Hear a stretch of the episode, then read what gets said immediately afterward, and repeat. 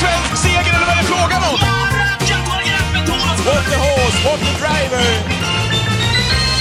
Välkomna ska ni vara till veckans, nej det är årets första travpodden till och med. Årets första travpodden. Kul David! Nu är vi igång.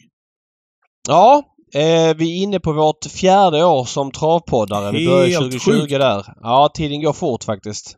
Ja, så är det. ja, det konstaterar vi när vi har eh, veckans gäst här framöver. Anders Linkan Lindqvist, när vi ska beta igenom det franska, eh, den franska eliten och kolla status där nere inför Prix d'Amérique också. Spännande samtal ser jag fram emot. Mm, alltid kul att prata med Linkan. Han har alltid skönt snack från Goubois och sköna takes på saker och man behöver komma i Prix d'Amérique-formen så att man har man slipper sitta där kvällen innan och kolla lopparkivet från alla möjliga lopp som har gått sista året så att man ska få ihop sina system. Utan Mm. eh, det är skönt att börja med det redan nu. Hur var nyår David? Eh, helt okej. Eh, var hemma med familjen och, eller, och lite kompisar som var här. Vart den bättre än julen som många har varit oroliga för dig? Ah, Nej, men det var väl helt okej också. Det var väl inte... Ja, men ganska lugnt, trevligt. Eh, bra käk, eh, kolla travet, klev av på allt när Ninja Zon vann. Precis allt klev jag av på. Ja, då var Och vi två ja. Ja, men kontrasten var för mig då att jag hade ju spikat Gassabier på ganska mycket. Så hade den vunnit så hade jag haft superläge på, på flera system. Mm. Men nu blev det tvärtom istället. Det var ett sånt där målfoto som man liksom tar med sig. Jag kände att han torskade på linjen och bara gick in i duschen och sket och kollade med. Så, att, så var det. ja, lite så. Ja, Så är det. Nu, nu hände det inte så mycket efteråt så man kan ju leva Nej, med det. Men ja, ja. där och då var det väldigt tråkigt. Det Ja. måste jag säga. Min, min, min, min, Själv, då? Själv då? Ja, men mitt nyår startade i dur. Vi gick över till grannarna eh, ja, men strax efter lunch någon gång. Så la vi oss i bubbelkoppen utomhus. Otroligt krispig dag också. Eh, Mm. Hade lämnat in mina system, Mm. trodde jag. Mm. Eh, och kliver upp då ur bubbelpoolen. Eh, jag vet inte vad klockan kan ha varit. Spelstopp hade i alla fall varit. Och så ser jag Mm. att jag har några missade samtal ifrån dig. Och då blir man ju genast orolig. Ser du inte loppen då? Eller du ser inte dem live? Nej, jag gjorde inte det. Utan jag tänkte jag skulle kika på dem när jag kom upp ur poolen och, och gå ikapp de här loppen som jag, Aha, som jag då wow, hade missat. så. Ja, ja, det är inga, det är inga, det är inga konstigheter. Ja. Så där är vi olika. Jag skulle ju aldrig under pistolhot inte kunna se de loppen Nej, okej. säga. Nej, det har jag inga problem. Och så går jag upp och så missar jag de första två, tre, så ser jag ikapp dem och så är jag med på resten. Om man nu är med då. Eh, Ja. Men jag blev ju orolig när jag såg att jag hade missat eh, samtal ifrån dig. Och eh, mycket riktigt då så hade jag ju lämnat in eh, samtliga mina system utom ett.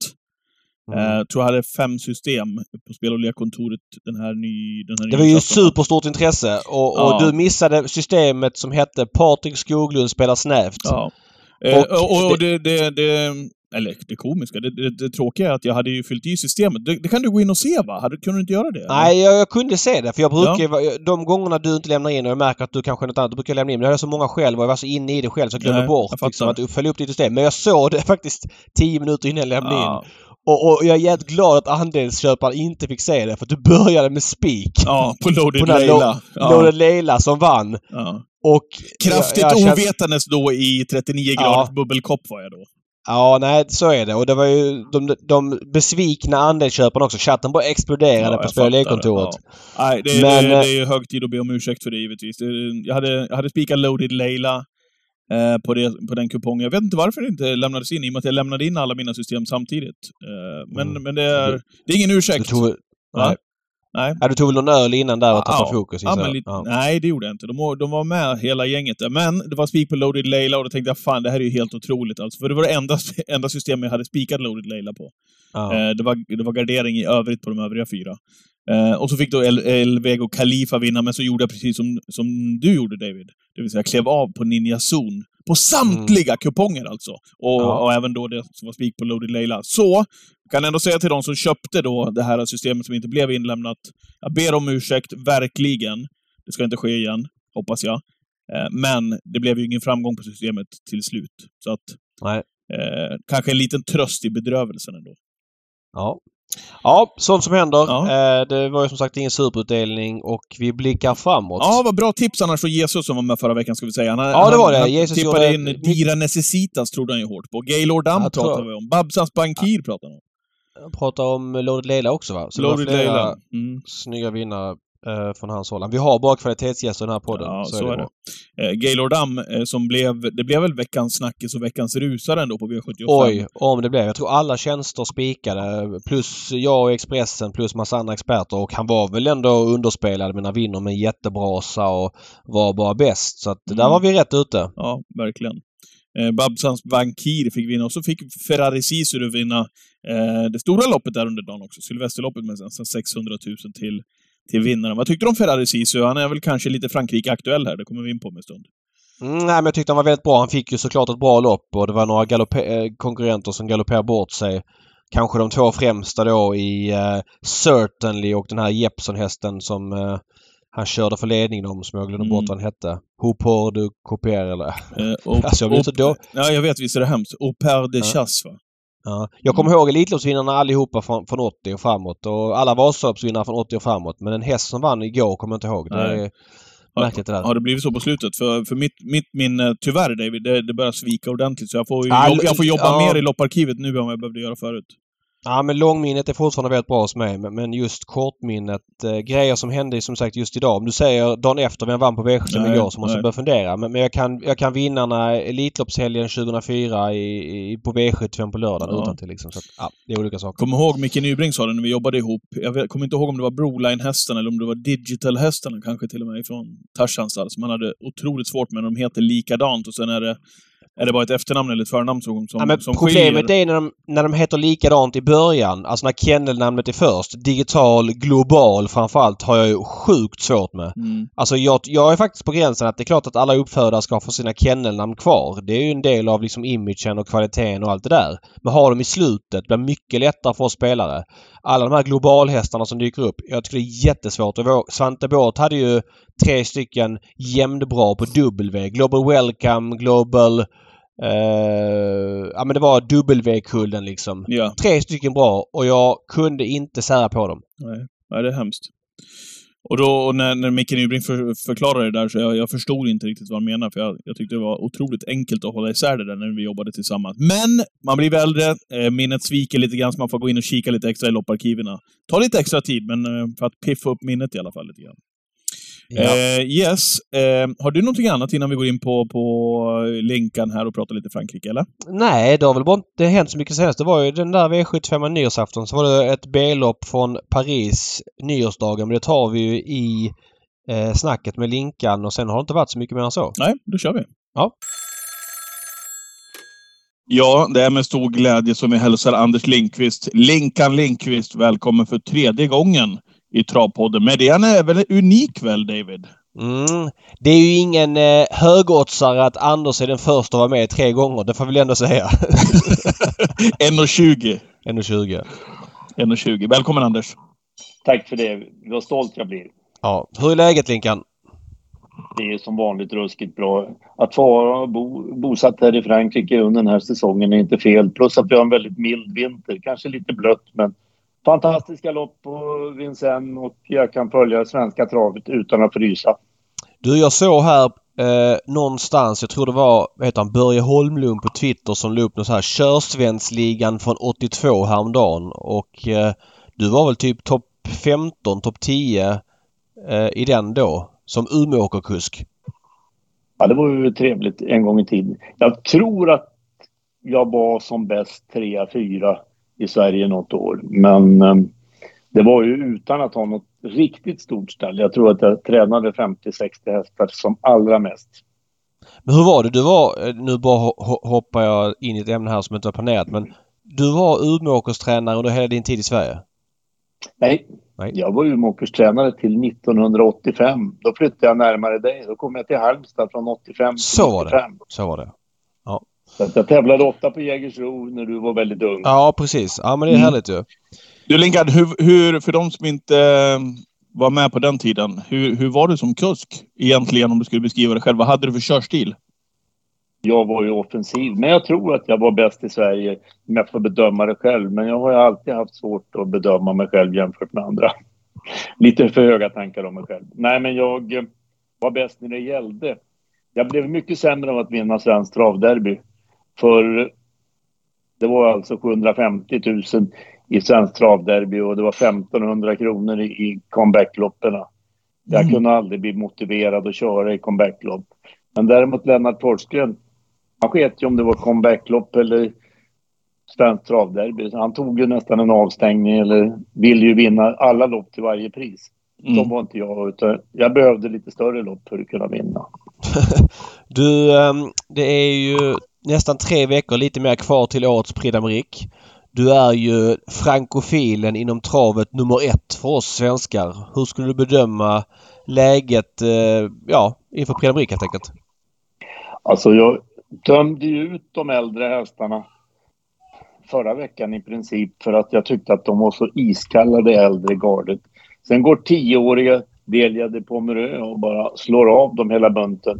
Etonant värmde dåligt och såg inte bra ut i loppet. Så att, eh, och han har alltså inte vunnit lopp sedan i september, eh, Västerink. Westerink. Westerink som är en utpräglad unghästtränare.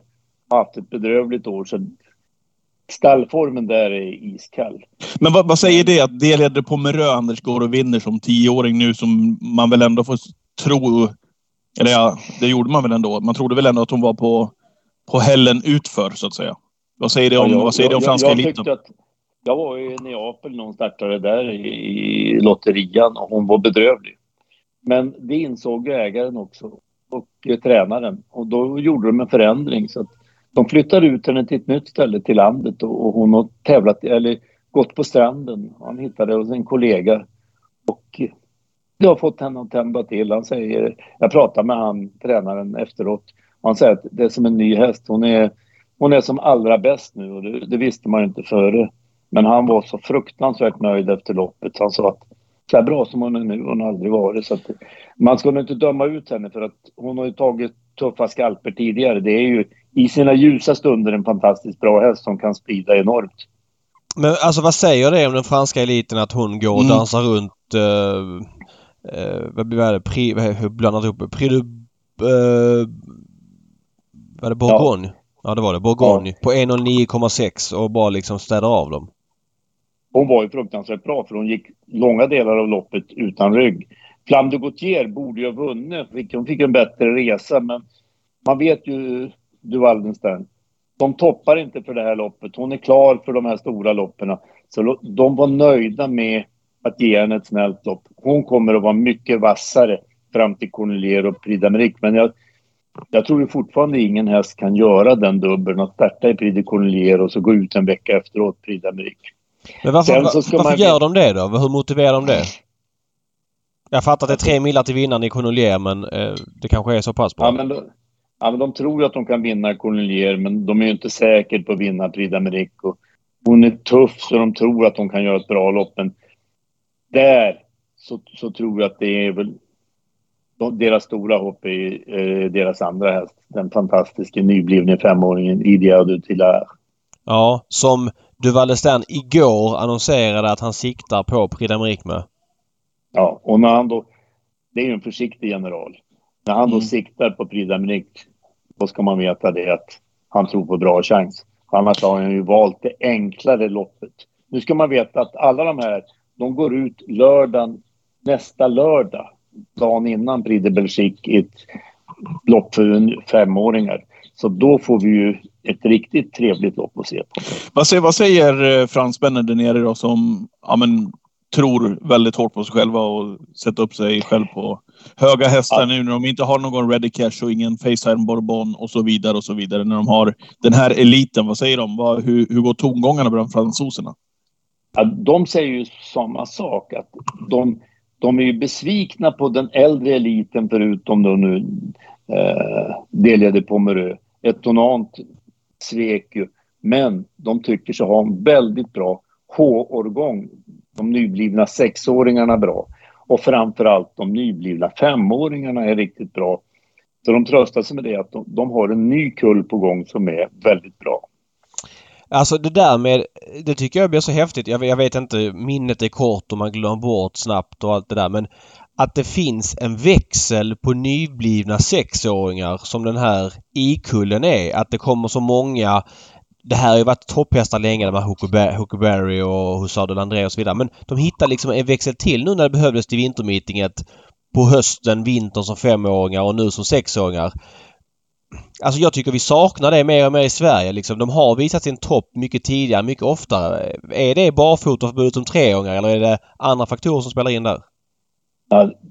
Jag tror att en hel del är just att de slipper eller får inte tävla barfota som två och treåringar. Plus att en del av tränarna, det är ju Filippa Lär, han maxar ju gärna sina hästar. Men många, de maxar ju inte sina hästar utan de tänker ju lite långsiktigt att ha bra äldre hästar. Och eh, där är ju då Hippopofor ett stort exempel. Bichon, det är ju sådana som i många tider har haft bra äldre hästar. Vi vet Diego Ditang, Severino och den typen av hästar som, som duger länge i högsta klassen. Och eh, Hippopofor är väldigt, väldigt bra. Hussard de Landré är ju en riktig tuffing som, som utvecklas och en Bird Parker av den bättre sorten. Så riktigt tuffing, så det är spännande hästar, H-hästarna. Om vi pratar lite om Hussard de Landré som nu två gånger i rad har galopperat med en tydlig seger slash topprestation slash framskjuten prestation på gaffeln. Nu var han ju, ledde han ju stort när han galopperade här i helgen. Vad säger man om den galoppen? Hussard de Landré, det är ju en jättebra häst och eh, att han hoppar sist. Jag tror att det är ett litet olycksfall i arbetet ändå när det gäller honom. För du tänker mera på Hermes Arm. Ja, det gör jag. Förlåt. Herod Armé. Förlåt, förlåt. Jag blandar ihop dem till och med. Ja. Mm, mm. Men Hussard de Landré är en tuffing. Ja, Benoit Robin som, som är relativt ung än så länge, men han, eh, han är läraktig och jag tror att han kommer att prestera en bra häst. När det gäller Basirs häst som galopperar, exakt. Som har galopperat nu två gånger i rad. Det var den jag menar. Ja. Den, den har ju... Ja, för mig så tycker jag att den är lite distanssvag. Jag tycker att det är en häst som kan vinna Elitloppet för där får de ju trava illa. Och nu sist körde inte Basir otroligt dåligt. Man, man kunde ju tro att det var sonen som körde. Det var en hiskligt dålig styrning. ja. ja. Du, du har inga höga tankar om sonen? Nej, sonen har ju han har ju faktiskt bättrat till sig nu eh, sista veckorna men, men det har varit bedrövligt under höst, eh, början av vintern tycker jag. Och att han, att han lyckades, det var ju en bedrift att han lyckades vinna Prix d'Amérique för då gjorde han ju allting rätt. Men ofta har han gjort illa. Jag, jag faktiskt, någon av mina hästägare ville prova honom som kusk och det var jättefiasko så att eh, jag är inte imponerad av honom. Men om vi går tillbaks till eh, Erod Armé som som sagt två gånger har galopperat nu med... Han såg jättetankad ut näst senast och nu ledde han klart. Vad är statusen där? För han måste väl ändå tillhöra en av de mer betrodda så här tre veckor innan? Ja men hur ska han komma med? Han har ju för lite pengar. Nej okej. Okay. Men han, startar han inte i Belgique då? Ja men... Det, dels kanske han inte kommer med men, men om han kommer med. Men det är en häst som, som har problem med travet lite distanssvag. För mig så är det här en möjlighet till Elitloppsvinnare. Och så kan man ju inte köra så jävla illa som man gjorde. Alltså, det var ett sånt nybörjarfel för den speeden han la, den var ju helt enorm. Nästan ingen häst kan ju komma i mål. Som, det var ju tomt i tanken och, och driva så hemskt och inte hjälpa hästen. Det, det var så illa att se på som man mår dåligt. Eh, vilken av Basirs hästar tror du mest på? Han har ju alltid ett gäng. Hockenberry. Hockerberg. Det är så? Oj, det, är en, det är en fantastisk häst. Oj, vilken häst det är. Den, om Basir kör och är i form, den är mycket, mycket intressant. Jag tänkte att vi skulle komma till, till de mest spelade sen på ATGs eh, sida just nu. De fasta oddsen som ligger där just nu ändå, när vi ändå är inne på den hästen. Ockerberg 22 gånger pengarna, Linkan.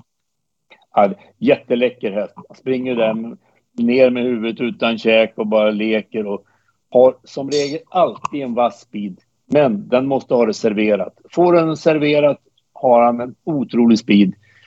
Ja, jag gillar den helskarpt, men den måste, den måste ha tur. Den kan inte göra så mycket själv. Ah, Okej. Okay. Eh, men du tror Basir väljer att köra honom? Jag vet ju inte för att han lät ju sonen köra nu och det beror på vem som, som kör den för att eh, Sonen kör definitivt inte lika bra som Jean Michel. Även om Jean Michel var urusel sist så brukar han inte köra så dåligt. Nej, jag fattar. Eh, mm. Patrik, fler på din lista där? Eh, vill ni att vi ska ta dem uppifrån och ner? Ja, men gör det, vad gör känner det, ni? Ja. Eh, vi börjar med eh, favoriten i, till årets Prix d'Amérique då. Eh, Linkan. Calgary Games på ATG. Just nu tre gånger pengarna. Han har ju imponerat i Sverige utan tvekan och var ju bra både i kval och i loppet med skor. Sen kommer man ner hit och startar och sen så rycker man skorna på en bana som var hård. Och i mitt tycke så hade han väldigt små hovar. Så att det, att det blev fiasko, det, det var inte undra på. Sen, man ska ju inte kritisera sådana som har sådana meriter som Björn Goop kanske, men han sprang ju och velade lite grann, eller körde och velade lite grann där precis eh, innan han felade. Om man skulle ligga kvar eller gå ner och ta rygg ett tag. Ja, var, var, vill han inte bevaka loppet tror du? Alltså konkurrenterna Ja, där bakom? Jo, men i det läget, det är egentligen i princip där man slutar köra när man värmer. Så att jag undrar om hästen trodde att det, att det var som värme, att det var klart då. För det är ofta där man stannar när man har värmt. Okej. Så att jag börjar fundera om hästen börjar tveka. Vad, vad är det här för signaler? För han vinglade fram och tillbaka om man ville ligga i dödens eller om man ville ligga i rygg. Och jag tror att han Mm. gav hästen fel signaler. Men inför den starten så var det mycket snack eh, om att Basir li, lite nästan hånfullt sa Oj vad jag ser fram emot att se honom. Eh, och sådär liksom och att förväntningarna från franskt håll har varit höga också. De har ju mött honom i Europaderbyt. Hur landade det där? Hur har snacket gått efteråt? Men det är ju, det är ju så att här i Frankrike har man ju lite tappat respekten de sista åren. Hoso kom och gjorde en flopp och vi har ju inte haft något med i, i, i de stora loppen. Det åkte upp ett gäng utan att vara, förutom ett onan, de värsta topparna i Frankrike. De tog väl med sig fyra, fem fina skalper från Elitloppshelgen. Så att eh, jag tycker att det svenska ryktet är skamfilat där nere. Och Okej. kortsiktade med då. Vi har ändå haft på i en tioårsperiod vann ju Maharadia 2014 va och Ridley Express vann väl 2019 eller 18? 18 var det va? Ja. Ja. Maradja, den var ju då efter lång och trogen tjänst och han var ju väl förtjänt det hela. När det gäller Red Express så räknar han honom som en avkomma till Reddy Cash. Han är ju halvfransman. Ja.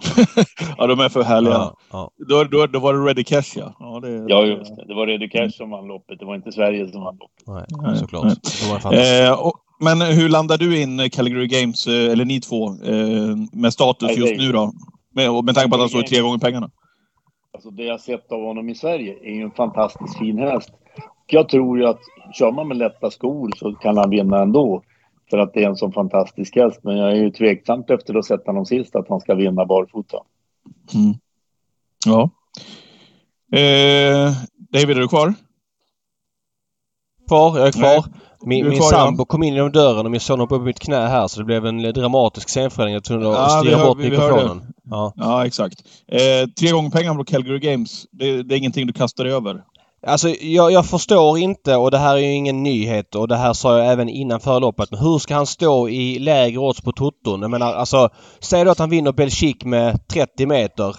Ja okej, då får han väl göra det. Ska då de svenskarna bomba ner honom i den poolen som omsätter 15 miljoner till, till eh, under tre gånger? Ja, det kanske kan hända. Jag vet inte. Jag, jag har svårt att se det i Nej. alla fall. Ja. Och då har du ännu inte Eh. bakdörren att han inte kvalar in och så vidare. Exakt. Men Eh, han, han har ju ja. faktiskt chans att vinna Prix de. För att Prix de Belgique, eller sista B-loppet där, är det något lopp fransmännen brukar Skiter bara sitta Ja, och åka ja. med i, Ja. så är det just det loppet. Mm. Ja, det är riktigt. Eh, sen går vi ner på 3,65 i odds. Eh, I stort sett jämspelade. Eh, Idao de Tillar. Vad säger vi? Va, hur landar in det till det oddset? Alltså för Jag mig... tycker att det är ett bra odds. Tycker du det? Jag gillar det. Alltså, Jag tycker inga för Jag tycker att alla sådana odds är för låga. Men om man jämför med Calgary Games så har han ju bättre form. Så att om man jämför med det så är det ett bra odds. Men vad, det är trots allt min favorit. vad säger du om distansen för Idao Tiard? Känns det inte för, för långt? Nej, han är stark. Han sitter och bevakar dem. Han, han är en tuff, rejäl häst som jag tror inte distansen är något problem. Och han har bevisat att han kan göra loppet med lite tuffare lopp. Han, han, han behöver inte smygas med. Men däremot får Hockerberg smyga med rygg på honom så kan han nog spida ner dem. Men, men den här, han är lite oöm för positionerna och, och det är en fördel i Prix. Mm. Sen då, två stycken, eller kommer vi till den här som jag tror i alla fall båda ni ratar. Till sex gånger pengarna. Ett och noll. Jag var jättebesviken på hans sist i värmningen för att han såg inget bra ut och såg inget bra ut i loppet också. Det är ju många hästar som värmer dåligt numera och presterar i loppen men, men nu, nu var det klent så att, och jag dissar stallformen hos Westerlink så att eh, det är några veckor kvar men, men just nu ser det mörkt ut. Ja men alltså vi ska komma ihåg att han för två starter sen Uh, lite människor jag skrev med på Twitter som jag ändå har respekt för som tyckte att han var bra uh, den dagen. Då var det väldigt kallt och banan var långsam men han gick väl i 13 tempo i spets och ändå så packade han ihop ganska tydligt. Men då hette det att ah, men det var första loppet i kroppen, han hade varit i USA och vänt och så vidare. Ja okej, okay, fine.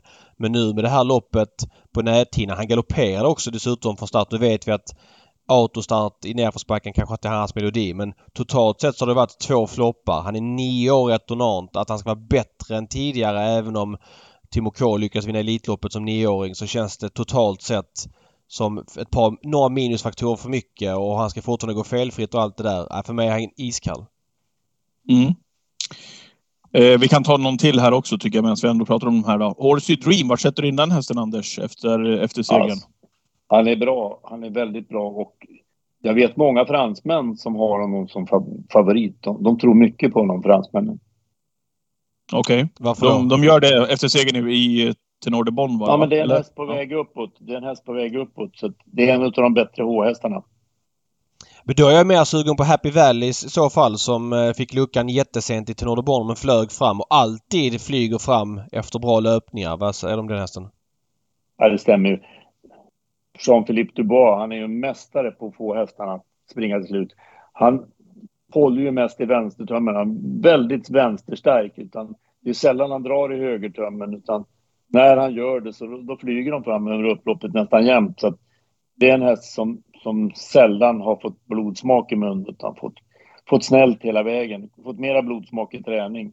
Ja. Okay. Mycket, mycket duktig tränare.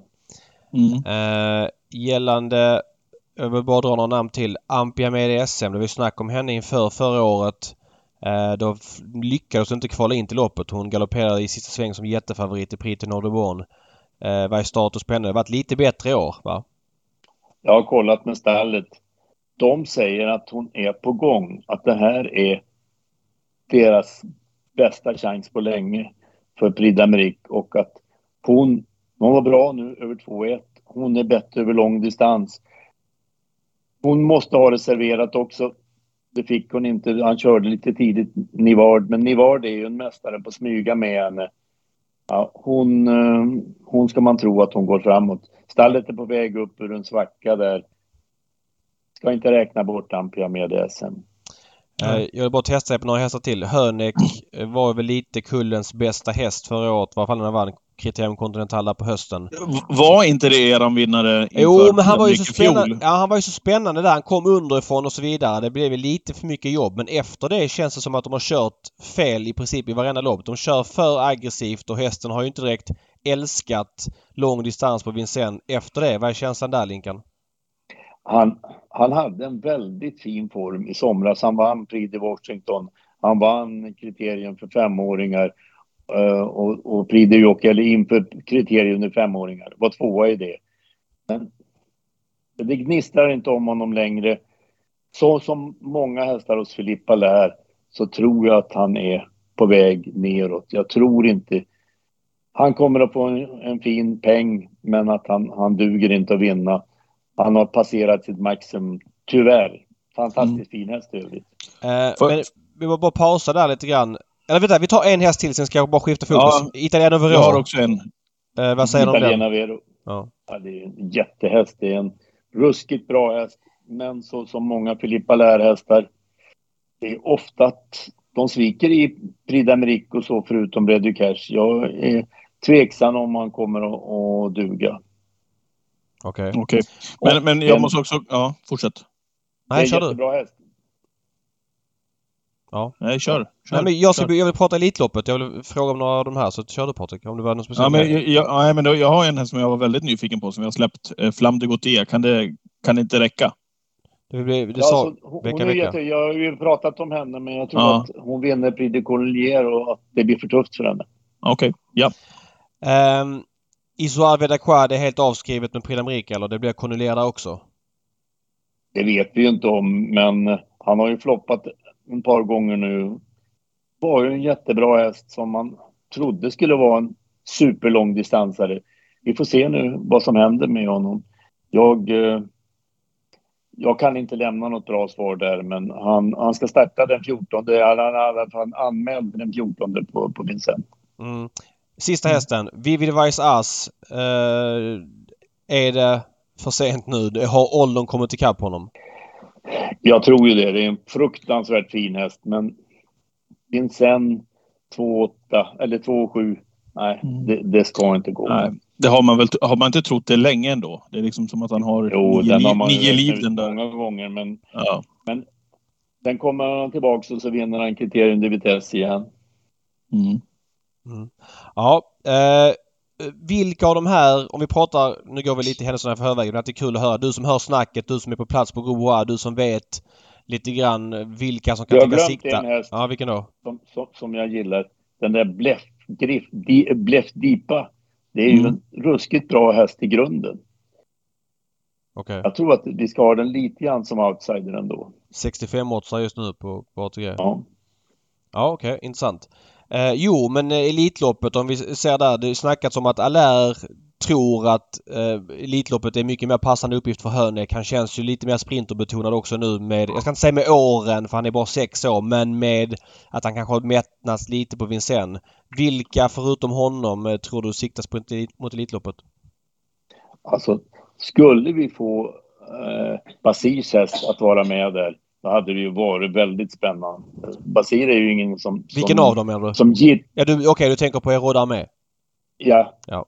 vilken alltså speed den hästen har. Och då får han fräscha till den lite grann och 1600 meter, alltså det är en riktig sprinter tror jag. Men vad tyder på att Basir skulle, hans bojkott skulle hävas? Det är ju trots Ja. allt rätt mycket pengar i Elitloppet och till och med Basir tror jag förstår att, det är ganska fint att vinna Elitloppet. Igen. Är inte, är, ja, precis. Men är inte Beads också någonting egentligen för Elitloppet, även om han var här uppe och floppade i Norden innan han åkte ner till Basir? Ja, men är inte Beads, det är en jättefin häst, men jag tror att han är för kort i rocken jämfört med de här hästarna. Det är, det är en jättefin häst, men det är inte den kvaliteten på honom. Jag kan inte tänka mig att han gör den speeden som var Hermet, eh, Heroldo Hermet gjorde sina...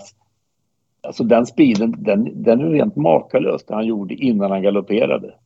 Men Beats, alltså nu har jag travat en gång, det gjorde han senast ju. Han kan börja med att trava ett par gånger innan han ens kommer in i, i leken. Men alltså, eh, du svarade på min fråga där Linkan. Hönek, realistisk Elitloppshäst. Vilka fler? Ja, det är alltså en väldigt bra sprinter. Basirs hästar, de Breeze kanske väcker till. Han är ju alltså en bättre sprinter än han. Och Philippe Allaires hästar, de är ju väldigt tidigt ute. Och när man är Mm. väldigt tidigt ute i det här landet, då är det nästan bara Vincennes som gäller. Philippe Allaires hästar har ju bara fått starta på, på Vincennes och de spyr ju på Vincennes efter ett tag för det är så många tuffa lopp. Jag hade ju faktiskt en rätt bra häst som heter Louise Lauko. Hon, hon vann ju Sweden Cup från Dödens och sånt där. Men när hon, när hon kom på Vincennes, hon hatade Vincennes. Hon vann ett lopp på Vincennes fast hon tjänade över 10-12 miljoner. Men det var väl ungefär som Anna Mix? Mm.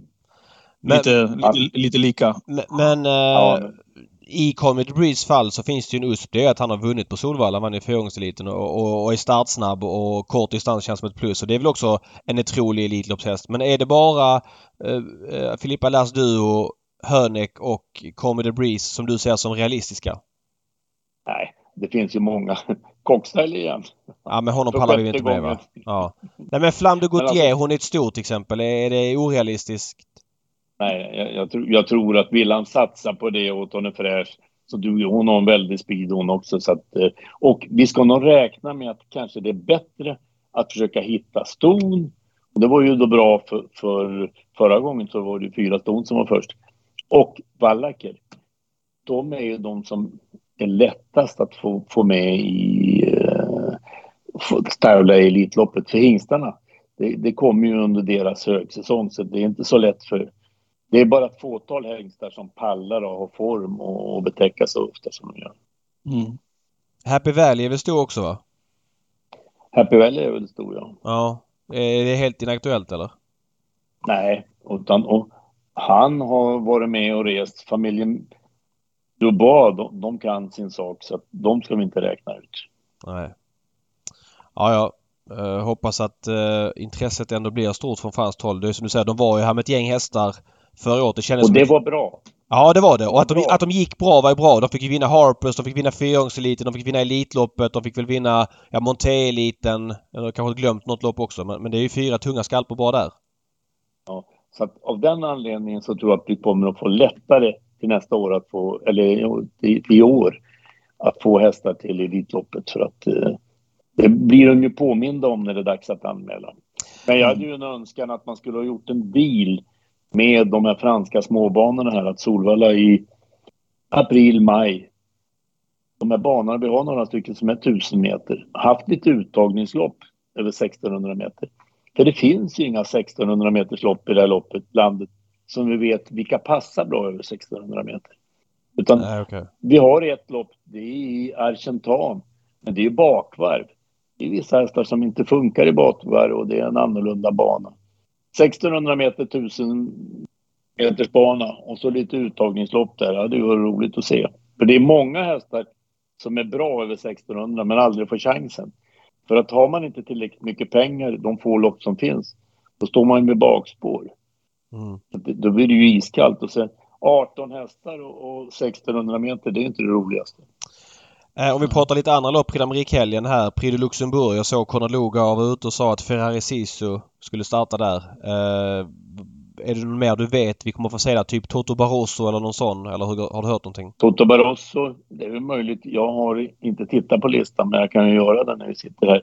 Så det är ju alltid ett roligt lopp och eh, spännande för, för oss svenskar vilka som kan vara med i det. Jag, jag har ju lyckats vinna det och det är det är ett härligt lopp om, om det går vägen. Det känns som att eh, en svenska hästar ofta är väldigt betrodda i det loppet och många svenskar som åker ner är med och lirar på toton och allt det där så slutar de med pannkaka varenda gång. Jag kommer ihåg ett år var det eh, Call Me Keeper startade och var väl såhär femoddssare och vi satt ett gäng på ett hotellrum i Paris liksom och det blev...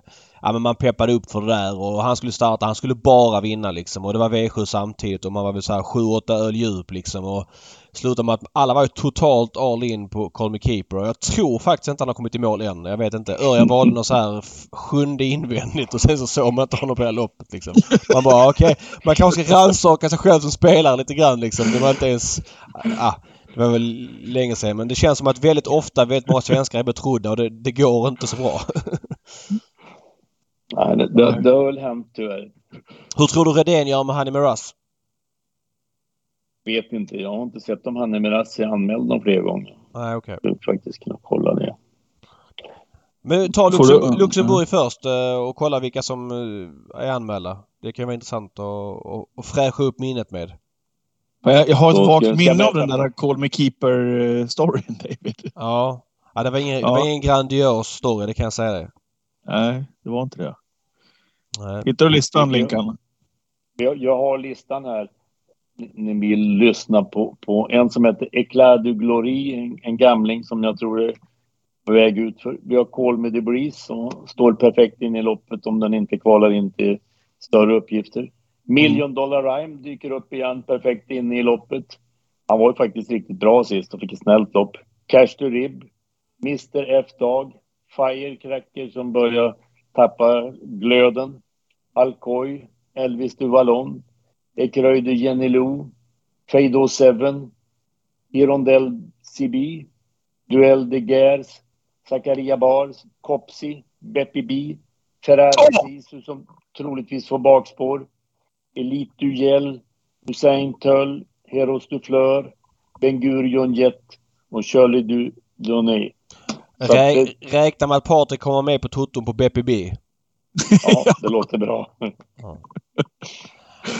Ja men vad bra. Skönt att få en uppfräschning. Hur ser din verksamhet ut för dagen? Vad gör du där nere på Gaubois? Jag försöker slappa. Jag tar det lite lugnt. Är det bra väder kan jag tänka mig köra någon häst. Men på vintertid så försöker jag undvika det. Jag går hellre till hagarna och håller mig fräsch och fin i form och sitter i bilen och tittar på när de jobbar och ger råd och hästarna kan anmälas till och sånt där. Så att jag har en väldigt bra tillvaro för dagen. Du är ju Jag försöker titta på lite travlopp. Du är ju otroligt generös med din tid med svenskar som kommer ner de här helgerna. Eh, hur upplever du att intresset är för att komma ner till Prix bland svenskar i år? Ja, det ringer rätt så, så flitigt och eh, jag fixade nyss bord för 12 stycken. Vilka då? Prix d'Amérique. Bland annat eh, Åke Svanstedt. Och det var inte det billigaste. 75 000 för 12 platser. För, vadå, ska Svanstedt åka till Prix d'Amérique? Svanstedt kommer till Prix d'Amérique.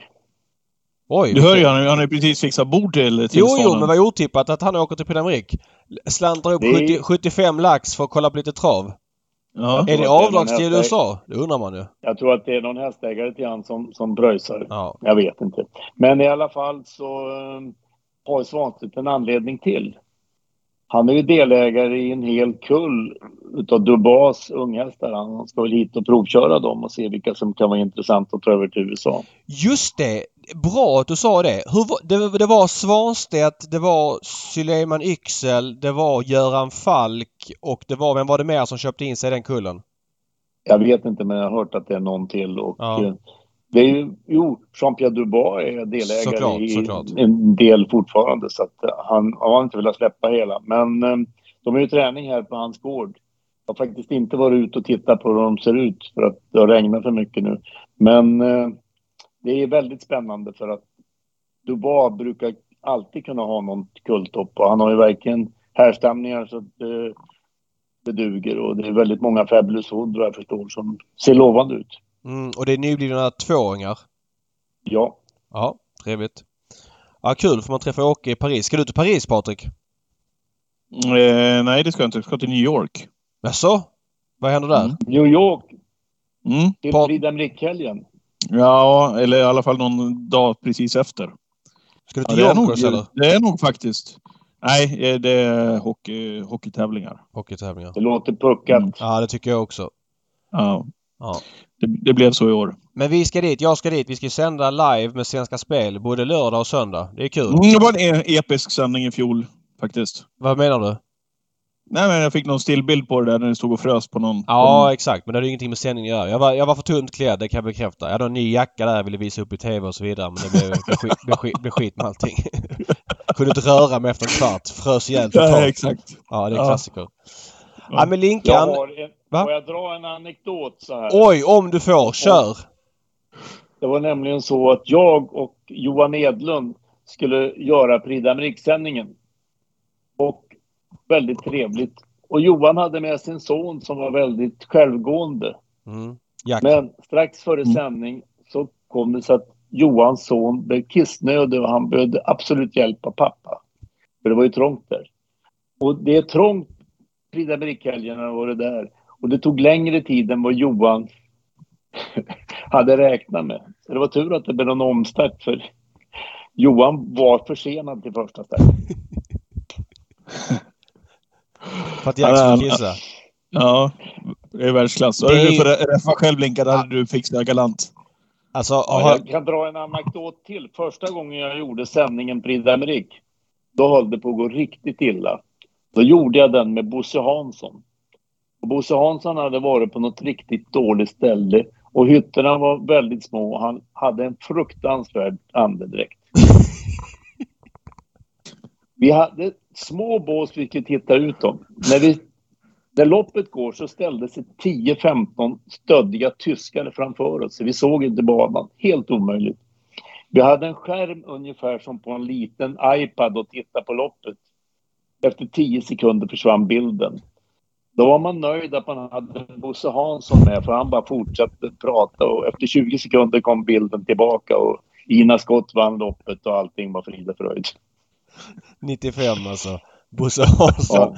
Bosse Hansson hade supit till det lite grann. Han hade en fruktansvärd andedräkt. Jag måste, jag måste bara få dra en. Jag, jag har dragit den här tidigare i podden tror jag. Apropå det ämnet. Jag vet inte om ni kommer ihåg när vi gjorde eh, vinnare V75 eh, förr. Då var det ju live on tape så att säga. Man reffade i loppen när de gick men man kunde ta om efteråt. Eh, och ja, det är, det är inte livesändning så att säga så att Nej. folk förstår utan man räffar in på ett band ja. ja man räffar på ett band. Klippt ihop ja. Till 18.00 sändningen då när den gick. Mm, mm. Eh, och eh, Göran Borgers var referent och man lämnade ner till reportern på innerplan i loppet. Ibland kunde reportern då stå med en tränare eller med en ägare och liknande liksom. Och då kunde man säga då så här till exempel efter ett varv. Åh, de varvade på en 12,9. Linda, vad säger du Bosse? Och så säger då Linda. Ja Bosse, tycker hästen knack travar lite dåligt. Ja men vet sådär liksom. Ja. Eh, och Linda Rosenqvist var ju då reporter den här gången och Göran Borgers räffade. Och Linda Rosenqvist säger till inför loppet att jag är inte med i det här loppet för jag måste gå på toaletten. Jag liksom, ja. Så, så, så, redaktören noterar det här men det var väl någon slapp jävel bakom spakarna som inte sa till Borgås. så att när loppet går på Åby Borgås refar på där. De bara på en 13,4. Linda, hur ser det ut för ledaren? Då hör ju Linda det här för hon har lyssningen kvar i örat och sitter på toaletten men ser inte loppet och finner sig i situationen och säger Jo, men jag tycker Kihlström ser belåten ut i ledningen. Och så liksom tillbaka till Borgård som bara fortsätter räffa. Och det, det kördes ut. Den versionen togs. För att ja. Linda kunde finna sig själv i det läget och sa något halvfloskligt såklart sådär. Men eh, man fann sig det och körde den versionen. Ja, världsklass. Världsklass. Linda är säker. Hon har ja. fått för lite kredit för det hon gjorde inom svensk travsport. Ja, det håller jag med om. Mm. Helt klart. Ja men Linkan, alltid ett sant nöje att med dig. Vi ses om ett par veckor då. Jajamän, så hörs vi nästa år vid det här laget för Ja, det gör vi absolut. Ja, exakt. Ja. Så är det verkligen. Ja, sköt om dig då så hörs vi Linkan. Tack så mycket för att du var med. Supertack. Tack. Toppen, tack. Hej, hej. Hej, hej. hej, hej. Ja, Anders Linkan Linkvist. Finns det någon mer människa på det här jordklotet som är mer travintresserad av Linkan. Hör du det? Han sitter i bilen då och tittar på när de är ute och värmer eller tränar ute på Grobois. Det är intresse det, eh, Niva. Det är ju många i den kategorin. Stefan Melander tillhör väl den skaran också som verkligen. kollar allt och, och, det finns väl ett par till. Men eh, Linkan är ju en... Jag tycker att han har fått... Eh, han har inte fått cred för allt han gör. Alltså när det gäller att hjälpa svenskar att ställa upp att vara liksom travets hedersambassadör nummer ett. Mm. Jag tycker att eh, det är en otrolig glädjespridare och en härlig man vi har inom travet som har så otroligt många strängar på sin lya. Ja, verkligen. Eh, V75 nu till helgen. Hur behandlar vi det tycker du till våra lyssnare? Ja, det är ju Färjestad och eh, jag tycker att vi kör Twitchen 13.00 eh, på, ehm, på lördag. Hänvisar dit. Eh, att jag ska sitta här nu och gå igenom när jag inte har hunnit plugga för det är fortfarande V86 ikväll. Det står visserligen över men det är lite Europatips och det är massa fotboll och grejer. Så att mm. istället för att sitta här och, och, och rappakalja massa skit så kör vi, hänvisar vi till Twitchen. Ja, det gör vi det. 13.00 nu på lördag alltså.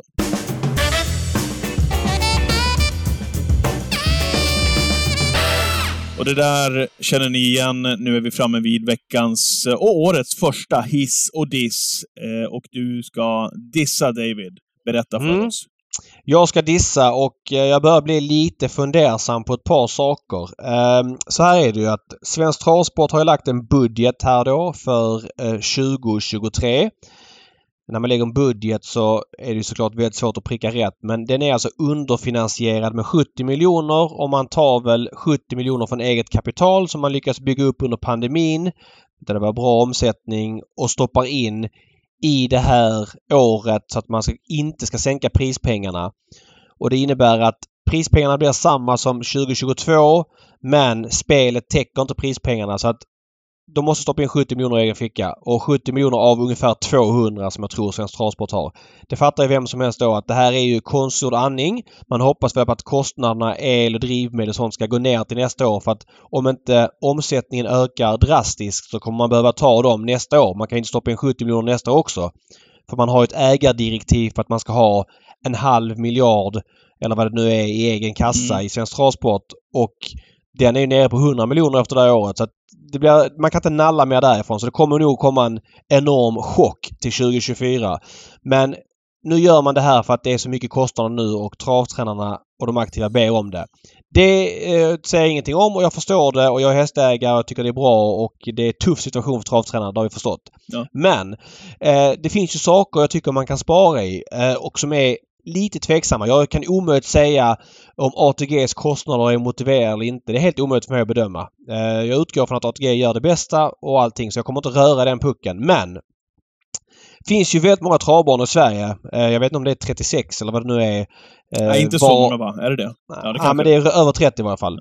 Ja. Eh, ett par av dem är säsongsbanor. Man kör alltså bara på sommarhalvåret och det är ju såklart rimligt. Det blir väldigt dyrt att hålla igång en travbana på vintern med banskötsel och allting. Och jag tycker att det är många som pratar om att lägga ner banor men då ska man också tänka på att man kanske stryper travintresset i en region om man tar bort en bana. Och det är trots allt mycket billigare att hålla igång travbanorna på sommaren.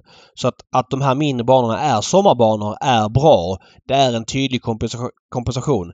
Då tror jag istället att det stora antalet vinterbanor måste kunna skäras ner. Att vi har så många olika banor på vintern som hålls igång för att köra relativt sett få tävlingsdagar. Där borde det finnas enorma summor att spara. Till exempel, varför har Jägersro, Kalmar och Halmstad öppet på vintern alla tre? Nu är det ju ganska långt till tänkte säga, Kalmar från det, de det, jag andra. tänkte säga det, det är ju inte nästgårds. Nej, det är inte nästgårds med Kalmar men det kanske ska vara så att Halmstad har stängt tre månader på vintern. Eh, för att då ha Kalmar eh, som ligger lite längre bort, Jägersro och Åby har då den regionen. Om vi går eh, mer nordväst. Varför har Örebro, Färjestad öppet på vintern? Jag vet inte när Årjäng kör igång. Jag tror de väntar lite. Men Örebro och Färjestad ligger ganska nära varandra. Axevalla ligger också i samma region. Varför har de tre? Eh, eh, Örebro körde här mellandagarna V75. Eh, Färjestad kör nu på lördag och, och Axevalla kör nyårsafton. Det måste gå att stänga en av de banorna från typ 1 november till sista mars. Menar, det finns ingen stordag på Örebrotravet under den här perioden. Det vill bara liksom kompensera upp det med att stänga igen. Vi måste kunna ha färre banor öppet. I norr har Umeåker, Boden öppet. Jag vet att det är långa avstånd. Men ska båda verkligen ha öppet? Ja, kanske att i det här fallet att det är så. I Stockholmsregionen är det Gävle, Romme, det är Solvalla, det är Eskilstuna. Behövs alla de ha öppet på, på vintern och hållas Mm. igång för att köra en random tävlingsdag eh, var tredje vecka i vissa fall. Tänker just på själva banunderhållet bara. Nu, nu visste inte jag vilken, vilken diss du skulle komma eh, ta, så att Mm. det, den kommer ju eh, lite snabbt, men jag tänker högt bara.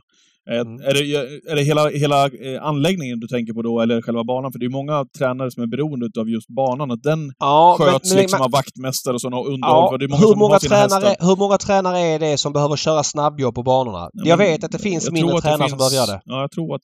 Jag, jag har Ja. inte en aning eh, hur många, men nog finns det några på varje Ja. bana i alla fall. Och, och jag förstår att det är ett problem. Mm. Jag förstår att det finns eh, barn, tränare som behöver åka in på banor och köra snabbjobb. Då är min fråga eh, är det motiverat för att hålla en bana igång för att en tränare ska köra några jobb där? Eller behöver banan vara i det skicket? Kan man, nu, vet jag ingenting om banor. Kan man inte harva i banan så att det blir tungsprungen men funkar för träning men inte för tävling? Förstår du vad jag menar? Mm. Eller, jag vet inte. Ja, men det, det måste gå att lösa. Att, att, var- varför hålla alla de här banorna igång under vintern? Hur många gånger kör Örebro på vintern? Vilken, vilka tränare i, Ör- i Örebroregionen kan inte åka till Färjestad, Åby, Axevalla, Eskilstuna? Varför? Jag förstår inte. Det blir väldigt mycket jag menar, om då Åke Lindblom, jag tar ett exempel jag hittar på bara, som är Mm. Örebrotränare behöver köra ett snabbjobb. Ja, men då får han väl åka till en annan bana för att köra ett snabbjobb. Om det behövs jag åker till en bana om man inte kan göra upp sin gård. Det får vara så på vintern. Vi får välja. Antingen väljer vi att hålla massa banor öppna för att köra liksom fem tävlingsdagar på vintern. Eller så stänger vi ner och kan kanske lägga pengarna på något annat. Kanske högre prispengar. Jag vet inte. Nej. Jag tycker det blir för mycket. Det är ett avlångt, för långt land för att köra så många banor. Mantorp är öppet på vintern. Det blir ett jävla liv i alla fall på den banan som de... Ja men varför de blir på det det? Ja men det är ju inga, det går inga människor som går på trav på vinterhalvåret. Vilka Mm. dagar tappar de? De tappar tävlingstillfällen. Ja, jag förstår att det är jobbigt. Men vi måste ju hjälpas åt tillsammans för att få ordning på det. Att hålla igång så pass många banor på vintern kan ju inte vara ekonomiskt försvarbart när det nu är så dyrt att åka. Det blir ju massa Ja men jag vet inte. Det, det, det, någon som kanske får åka längre för att få tävla. Ja men då får det vara så på vintern liksom. Jag, jag, eller så accepterar vi bara att läget är som det är. Vi kan inte höja prispengarna för att vi ska hålla igång hur många banor det nu är på vintern. Det är för många i alla fall.